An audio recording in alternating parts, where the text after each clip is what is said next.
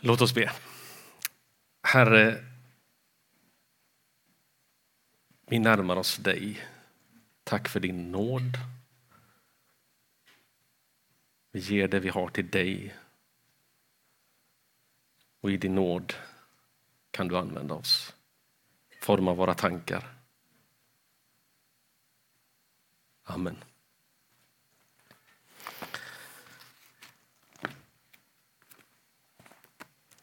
Det är skönt det här med nåden. Nu är vi framme vid Galaterbrevet 4. Det handlar ju om lag och nåd. Eh, har ni tröttnat på det förresten, Galaterbrevet? Att, när man då kommer till kapitel 4 så tänker man ja men nu har vi tjatat igenom det här med lagen och nåden men eh, jag tror inte man kan få för mycket av det där. Eh, och, och som Thomas sa förra söndagen här att eh, utan nåden, vad, vad, vad vore vi? Alltså vi? Vi klarar oss inte utan den och tänk om karma styrde våra liv. Att vi sår det får vi skörda. Men nåden bryter in och gör det möjligt för oss att ställa oss till förfogande. Och trots de vi är, jag brukar säga det att Gud använder ju inte oss på grund av de vi är, utan trots de vi är. Så är det ju.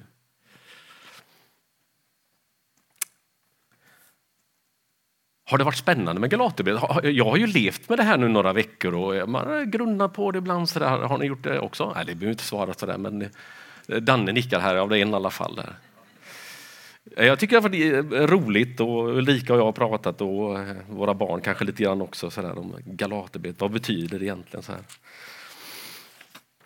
Eh, när jag grunnade på det här igår kväll eh, så tänkte jag, ja, men en bra rubrik, rubrik för det här blir regler eller relation. Så får vi se hur vi kommer fram till det då. Eh, har ni följt med i debatten här? I, för några veckor sedan så kom det en rapport om de svenska läroböckerna i religion om hur man beskriver kristen tro. Läste ni det? Jag tror det var i dagen, var det här Klappaminstitut kanske som analyserade läroböckerna. Och hur man missuppfattar och, och Eh, beskriver kristen tro på ett felaktigt sätt. Och vad är det man säger då? Jo, man säger till exempel att ja, men kristen tro handlar om att följa tio Guds bud. Handlar kristen tro om det?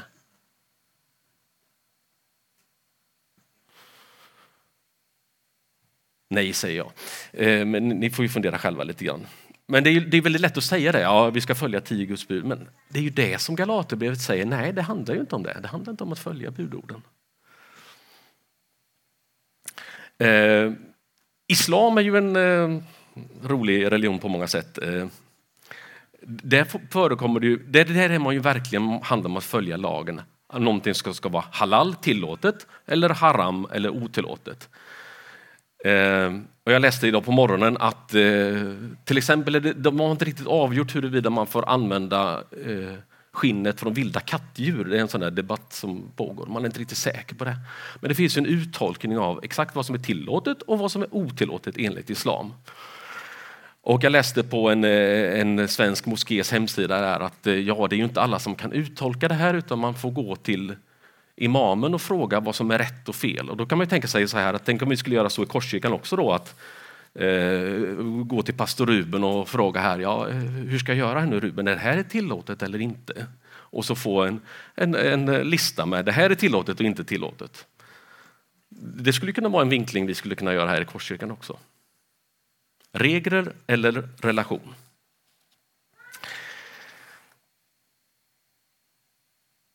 Låt oss läsa Galaterbrevet 4. Det här var bara lite såna inledningstankar. Då går vi till Galaterbrevet 4, så läser vi det. Och för att koppla samman lite grann med det Thomas pratade om sist, då, så läser vi de sista verserna i Galaterbrevet 3, där det handlar om det här om att alla är lika. Inför Kristus Jesus är vi alla ett. Alla är ni Guds barn genom tron på Kristus Jesus. Alla ni som blivit döpta till Kristus har iklätt er Kristus. Här är inte jude eller grek, slav eller fri, man och kvinna. Alla är ni ett i Kristus Jesus. Och om ni tillhör Kristus är ni avkomlingar till Abraham, arvingar efter löftet. Jag menar, så länge arvingen är omyndig är det ingen skillnad mellan honom och en slav, trots att han är ägare till allt. Han står under förmyndare och förvaltare fram till den dag som hans far har bestämt. På samma sätt var det med oss. Så länge vi var omyndiga var vi slavar under världens makter. Men när tiden var inne sände Gud sin son, född av kvinna och ställd under lagen, för att friköpa dem som stod under lagen så att vi skulle få söners rätt. Och eftersom ni är söner har Gud sänt i våra hjärtan sin sons ande som ropar Abba, far. Alltså är du inte längre slav utan son. Och är du son är du också arvinge, insatt av Gud. Förr när ni inte kände Gud var ni slavar under gudar som egentligen inte är några gudar.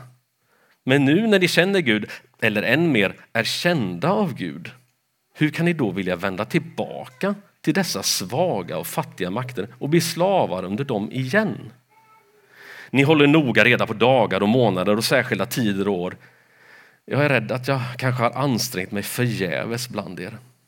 Bröder, jag ber er, bli som jag, för jag blev som ni. Ni har inte gjort mig något ont. Ni vet att det var på grund av kroppslig saga som jag första gången kom att predika evangeliet för er. Trots att min svaga kropp var en prövning för er visade ni varken frakt eller avsky för mig, utan ni tog emot mig som Guds ängel, som Kristus Jesus. Var är nu er lovprisning? Jag kan intyga att ni då hade rivit ut era ögon och gett dem till mig om ni kunnat. Har jag nu blivit er fiende genom att säga er sanningen? Dessa människor brinner för er, men inte på ett gott sätt, utan de vill skilja er från oss för att ni ska brinna för dem. Det är bra att brinna för det som är gott. Det gäller alltid och inte bara när jag oser. Mina barn som jag en gång måste föda med smärta tills Kristus har format i er. Jag skulle önska att jag nu var hos er och kunde ändra mitt tonfall, för jag vet mig ingen råd med er.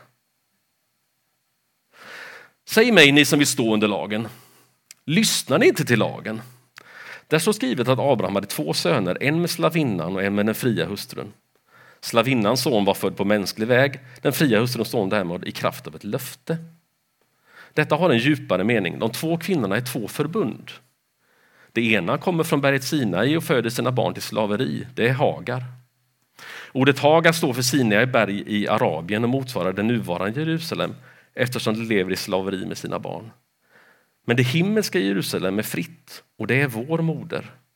Det står ju skrivet, jubla du ofruktsamma som inte föder barn, brist ut i jubel och ropa av fröjd, du som inte känner födslovärkar, för den ensamma har många barn, fler än den som har en man. Ni bröder är löftets barn, liksom Isak. Och som det var då, att han som var född på mänsklig väg förföljde den som var född på andens sätt, så är det också nu. Men vad säger skriften? Driv ut slavinnan och hennes son. För slavinnans son ska inte ärva tillsammans med den fria hustruns son.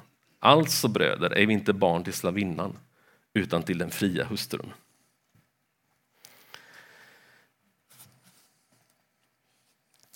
Det är spännande när man får ett kapitel så här och så får man försöka göra någonting av eh, det. Det, är inte självklart och inte alltid så lätt att förstå det här men jag ska försöka eh, dela några tankar som jag har tänkt här så får vi se, så får väl Ruben rätta upp här efteråt här om två veckor. Eventuella missuppfattningar. Den första tanken, jag tycker det här första stycket eh, fångade mig väldigt mycket. Det här med att vi är barn och vi är arvingar. Eh, men så länge vi levde utan Kristus, när vi levde under lagen, så var det våran förmyndare. Den, lagen hade som uppgift att vaka över oss så att vi inte gjorde fel. Lite grann som jag beskrev det här med islam. Det finns någon som talar om det här är rätt, det här är fel. Gör så här så är du på rätt väg, gör så här så är du på fel väg. Men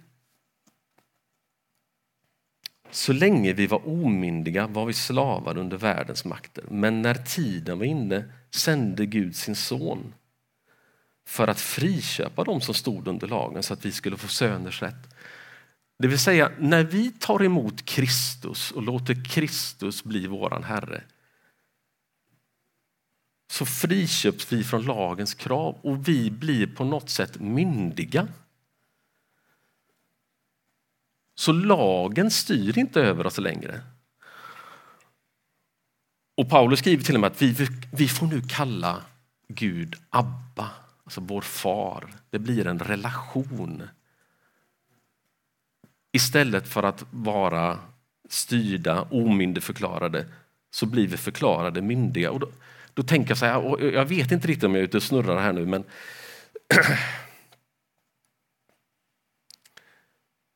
när vi görs myndiga på något sätt så Det är inte lagen som styr oss, utan vi myndigförklaras att vi själva med Guds ande får vara med och tänka vad är rätt och vad är fel. Genom Guds ande kan vi avgöra det. Vi är inte en, ett barn. Om, om man tänker mina, mina egna barn, när de var små, två, tre år, då, då talar jag om för dem allting. Så här ska du göra, det här är rätt, det här är fel. Eh, ät med sked och äh, spill inte. Och, torka upp efter det eller vad, vad det nu är. Men jag menar, nu är ju Axel 20 år och han skulle bli rätt trött på mig om jag skulle tala om för honom, ja men eh, ät nu med, håll skeden rätt och allt sånt där. Han är ju myndig nu och då får han ju också på något sätt själv ta ansvar för sitt liv. Kan det vara så också med tron, tänker jag då? Under lagen så var vi omyndigförklarade, men under Kristus så är vi myndigförklarade på något sätt. Att själva vara med att avgöra vad som är rätt och fel. Inte enligt en detaljerad lista, det här är rätt och det här är fel, utan med Guds ande som leder våra tankar och idéer. Vad, vad, vad tror ni? Är jag, är jag ute och cyklar eller? Ja, men nog, nog är det så att vi är myndigförklarade. Och, och, och, kristen tro är ju inte så, så fyrkantig på det sättet, utan, utan Paulus säger ju det att situationen kan ju faktiskt avgöra vad som är rätt och fel. jag ska inte gå allt för djupt i det där, men, eh, men Ruben, du får väl styra upp det här efteråt som sagt. du har två veckor på dig att fundera här. så. Och om vi hoppar vidare sen till, till nästa stycke där så eh, Gala, det här området Galaterna, det, det, det var ju Eh, man kan ju läsa om det i Apostlagärningarna 14 och lite vidare sen. Det var ju, Paulus gick ju till synagogorna i det här området när han var ute på sin missionsresa, så han träffade ju judar som blev kristna. Men det är också tydligt att det var hedningar, det vill säga greker, grekisktalande, som blev, som blev troende också. Så troligtvis var det här en delad församling, både judekristna och kristna med hednisk bakgrund. Då. Timoteus till exempel kom från det här området och han hade en eh, pappa som var grek och en mamma som var troende judinna, står det eh, i, i, i, i Bibeln. här. Och då, då, skriver Paulus här, förr när ni inte kände Gud var ni slavar under gudar som egentligen inte är några gudar. Det vill säga, innan ni var troende, och då talar han troligtvis till, till de här hedningarna då, då var ni ju slavar under de här reglerna som ni hade. På samma sätt så talar han till de judekristna, ni var ju också slavar under den lag som ni hade. Eh, den, den judiska lagen så att säga. Och då säger Paulus till dem så här, ja men ni har ju fallit tillbaka till det här gamla sättet att tänka. Ni håller ordning på dagar och månader och år och tider och stunder. Så här. Ni styrs ju av lagen. Ni har fallit tillbaka. Och han undrar till och med, är det så att mitt arbete är bortkastat? Jag, jag har varit hos er och predikat, och, men ändå så ska ni gå tillbaka till lagen.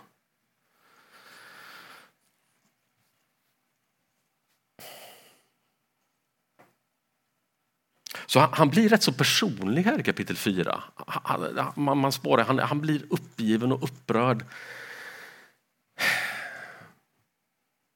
Bröder, jag ber er, bli som jag, för jag blev som ni. Vad menar han med det?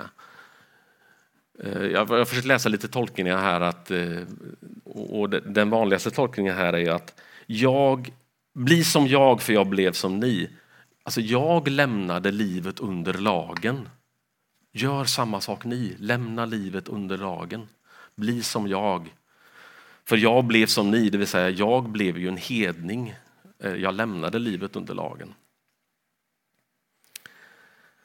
Och så berättar han ju det här att eh, på grund av kroppslig svaghet kom jag till er. Och här kan man ju då tolka eh, kanske, han säger ni var ju till och med beredda att riva ut era ögon för min skull. Och kan det varit så att Paulus kanske hade problem med sina ögon? Eh, man, man, kan ju se i Bibeln att han eh, hade någon typ av åkomma. Det står ju inte rakt ut att han hade problem med ögonen, men eftersom han skriver här nu att ni var beredda att riva ut era ögon, kanske det var så att han hade gråstarr, vad vet jag. Men han säger i alla fall, ni var beredda att göra så mycket för mig. Ni tog emot mig som om jag var en Guds ängel, ja, som Kristus Jesus själv. Men var är nu er lovprisning? Har jag nu blivit er fiende genom att säga er sanningen?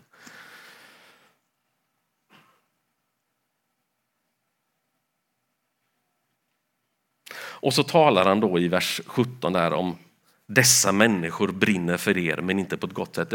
Nu pratar han ju om de som har kommit till det här området och försöker predika ett annat evangelium. De försöker leda bort er. Och han säger ju här i, kapitel 1, eh, vers 6 och 7.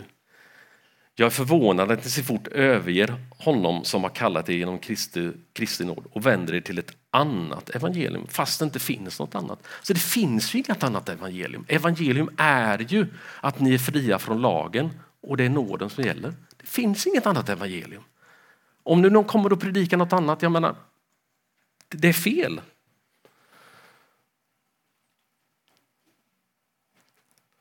Mina barn som jag än en gång måste föda med svärta tills Kristus har format sig.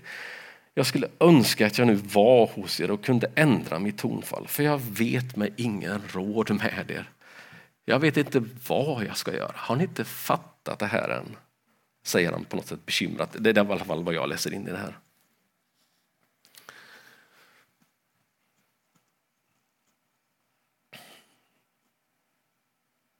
Man tror ju att Galaterbrevet skrevs väldigt tidigt och en anledning till det är ju att den här frågan om, som egentligen är i centrum i Galaterbrevet, det här med att måste en kristen som kommer från en icke-judisk bakgrund, måste den bli omskuren? Det vill säga, måste man uppfylla den judiska lagen innan man blir kristen? Eller är det okej okay ändå?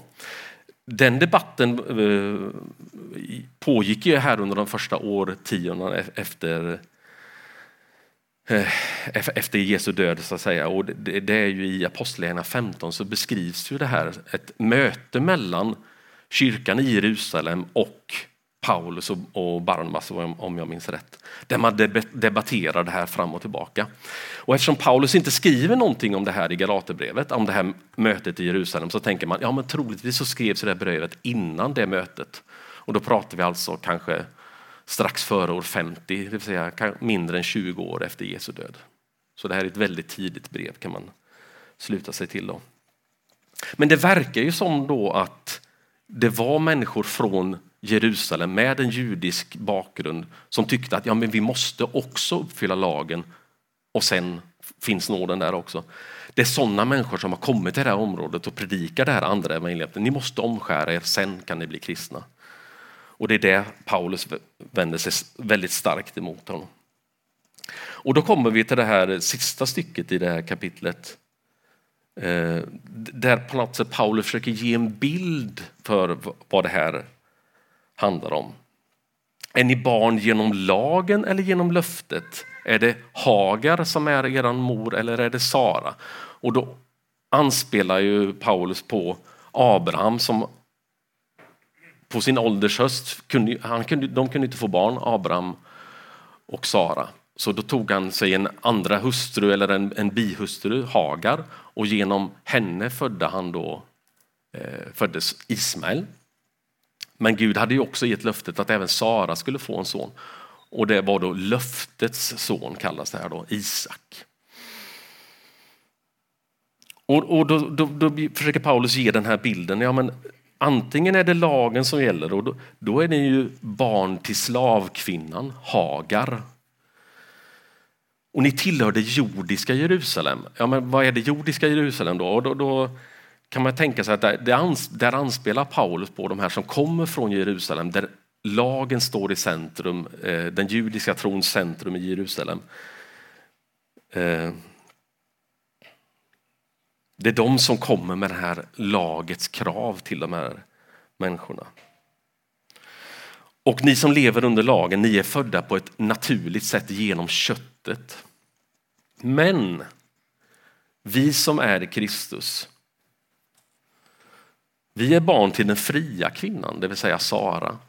Och ni, vi är födda genom löftet på samma sätt som Isak föddes genom löftet. Och vi tillhör det himmelska Jerusalem. Alltså det, här, det himmelska Jerusalem, eh, inte det jordiska Jerusalem.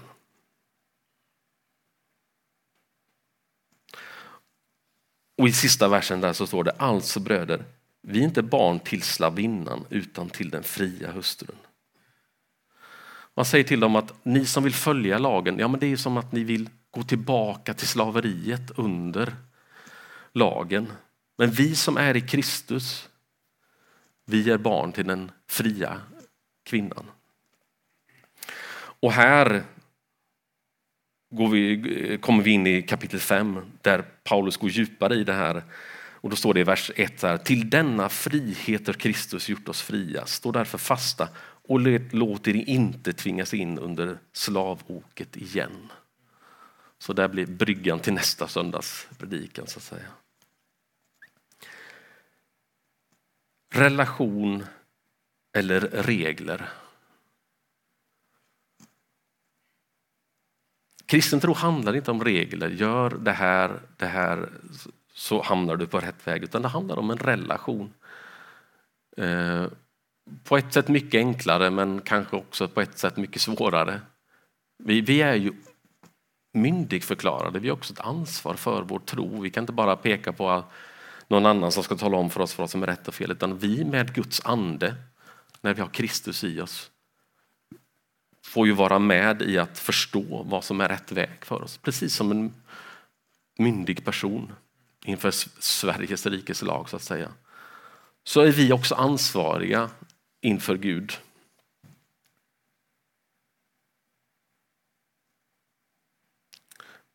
Men det bygger på den relationen med Kristus och med anden. Och den relation som gör att vi kan ropa Abba, Fader.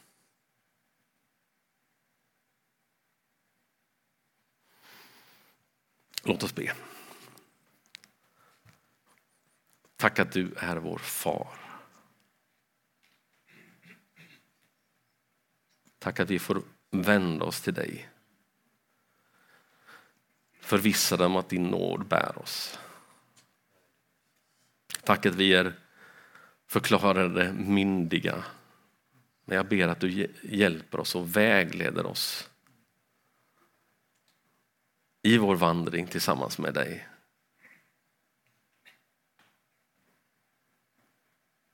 I Jesu namn. Amen.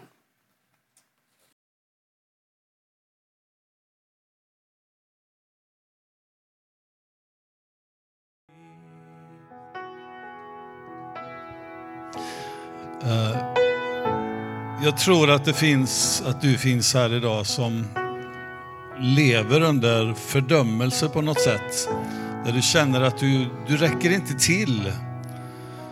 Uh, vid flera olika tillfällen så bara känner du så här, nej jag klarar inte det, jag räcker inte till, jag gör fel, jag duger inte.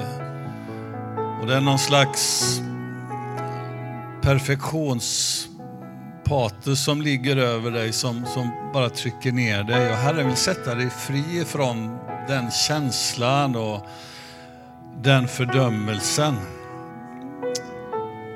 Och myndig förklara dig idag. Att du får uppleva det. Yes, jag är myndig.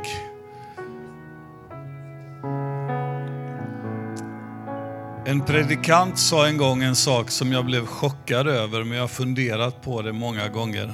Han sa så här, det lät så dumt. Han sa så här, Gud litar inte på dig, sa han först. Och sen tillade han, han litar på sin ande i dig. Och det är precis det Gud vill göra i ditt liv. Låta dig uppleva att det är hans ande som styrker dig, leder dig, bär dig, lyfter dig och bara ger dig allt det, den, det livet och den glädjen, friden och friheten som han har tänkt för dig. Så finns du här idag som känner det så att jag... Ja, du känner igen dig i det jag säger. Så antingen be att den som sitter jämte dig bara ber kort med dig. Ta, säg det till den, kan be för mig snälla. Eller om du vill kan du komma fram här också. Jag ber mer än gärna tillsammans med dig. Och vi låter det här vara en stund som bara får vara inför Herrens ansikte. Vi fortsätter i tillbedjan lite till och, och låter Guds ande få verka i våra liv.